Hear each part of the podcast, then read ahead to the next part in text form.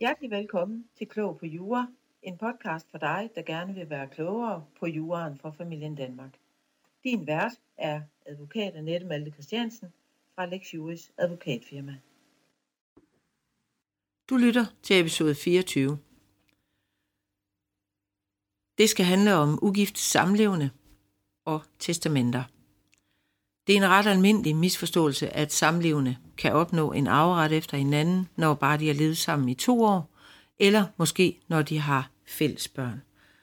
Og sandt er det da også, at mange, øh, eller langt de fleste samlevende, de lever selvfølgelig fuldstændig ligesom man ville gøre, hvis man nu havde giftet sig med hinanden.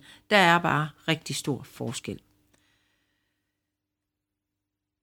Som samlevende par, så kommer man ikke til at opnå en arveret efter hinanden. Det er som sagt en misforståelse.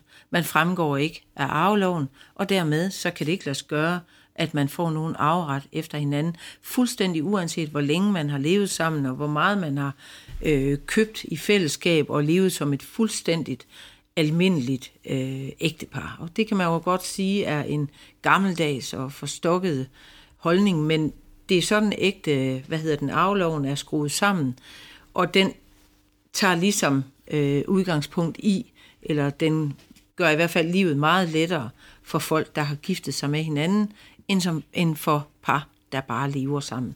Bare og bare, men som i hvert fald har valgt at leve sammen uden at være gift. Og det kan man selvfølgelig diskutere, hvorfor, men en del af grunden er selvfølgelig for at kunne skelne imellem øh, øh, hvem der for eksempel er øh, øh, øh, par, der lever sammen, for eksempel i, i, en, i en studielejlighed, og måske har gjort det i flere år uden at være et par, og par, der lever sammen, fordi de gerne vil leve sammen på ægteskabelig vis. Øh, det er selvfølgelig nogle af de øh, punkter, der er med i, at det er øh, nødvendigt at have en regel om, at man skal enten oprette et testamente eller være gift for at have afret efter hinanden. Jeg vil sådan gå igennem øh, øh, de øh, muligheder, der er, når man er ugifte samlevende. Hvis man er ugifte samlevende uden børn, så vil det være øh, ens respektive forældre eller søskende, der øh, arver en. Man har ikke nogen tvangsarvinger, når man ikke har nogen børn, og dermed så kan man bestemme over alt, hvad man ejer, og det vil sige, at man kan øh, Øh, testamentere alt til den, der nu bliver længst levende. Derudover så kan man beslutte, hvad der så skal ske, når den længst levende øh, afgår ved døden. Hvis man er et samlevende par med fællesbørn, så vil det øh, være sådan, at det er fællesbørnene, der arver øh, både den første afdøde og den længst levende, og den, der bliver længst levende af jer, arver intet. Fordi igen, man kan ikke tage arveret efter hinanden uden et testamente, når man er samlevende. Her vil det typisk være sådan, at man går ind og opretter et testamente, eller det er i hvert fald det, mange gør. Man går ind og opretter et testamente, hvor man begunstiger den længst levende mest muligt, sådan at den længst levende øh, af, øh, af jer, af parret, øh, modtager øh, syv 8. dele efter den første afdøde, og børnene, de fælles børn, om der er et eller flere, modtager en 8. del efter den første afdøde. Når så den længst levende dør, jamen så vil det jo være sådan, man har jo de samme fælles børn, jamen så vil det være sådan, at de fælles børn, de øh, deler arven lige, som det i hvert fald typisk være. Det er typisk det, man går ind og bestemmer. Øh, og det vil jo også være sådan, at man har mulighed for, når man nu går ind og laver et testamente, det er sådan lige en sidebemærkning, så har man en mulighed for at lave øh, også et børnetestamente, eller beslutte, øh, træffe bestemmelser om, at arven til børnene skal være særeje, og, og hvad der nu ellers kan være af muligheder. Øh, og det er jo sådan noget, man taler med sin advokat om, når man øh, opretter et testamente. Men i hvert fald så er det sådan, at langt de fleste de går ind og til Gud ser den længst levende mest muligt, og sikrer, at børnene deler lige, når den længst levende også er afgået ved døden. Er man nu et ugift par med særbørn, altså med dine mine børn, her kan det selvfølgelig også være sådan, at man har et fælles barn. Men har man nu særbørn, jamen så vil man typisk også gå ind og beslutte, at øh, børnene, altså børnene efter den første afdøde, de skal arve mindst muligt, og længstlevende skal arve mest muligt.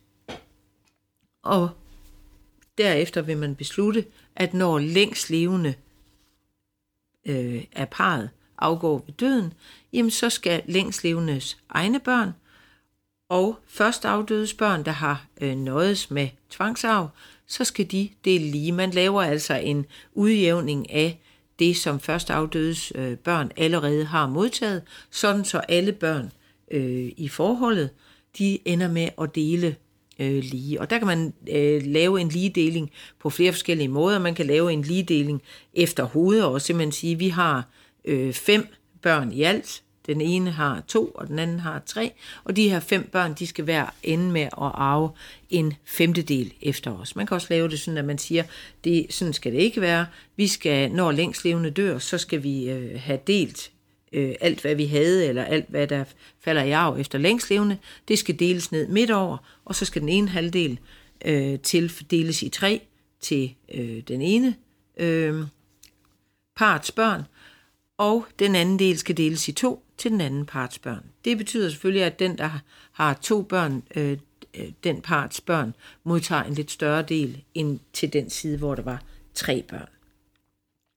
Men det er sådan en smagsag, hvordan man vælger, at børnene skal dele, når længst levende dør. Derudover er der selvfølgelig igen mulighed for at beslutte, at børnene skal have øh, særeje på den arv, de modtager, og der er også mulighed for at beslutte, at, de skal, at man skal for eksempel oprette et børnetestamente, hvis nu børnene er under 18 år, ellers giver det selvfølgelig ikke mening. Men det er sådan nogle ting, man kan overveje.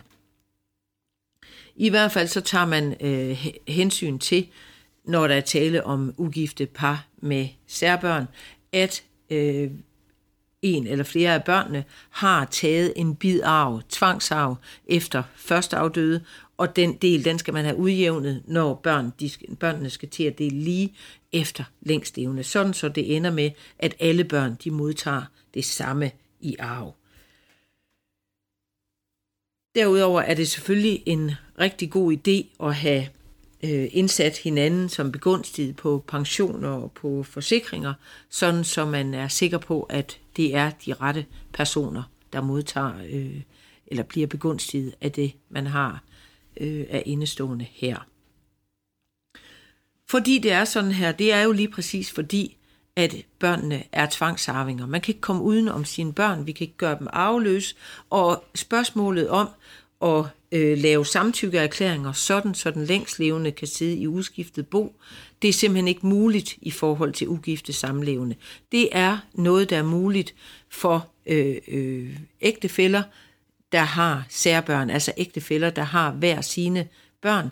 De har mulighed for at lave øh, samtykkeerklæringer, sådan så den længst levende med øh, først afdødes børns samtykke, øh, har man mulighed for at sidde i uskiftet bo. Det er ikke en mulighed for de ugifte samlevende. Så det vil sige, det her med at lade først afdødes børn arve tvangsarv, og derefter sørge for, at børnene øh, deler lige efter længstlevende, det er simpelthen øh, den bedste mulighed, man har, når man er ugifte samlevende med hver sine børn. Tak fordi du lyttede med omkring ugifte samlevende og testamenter.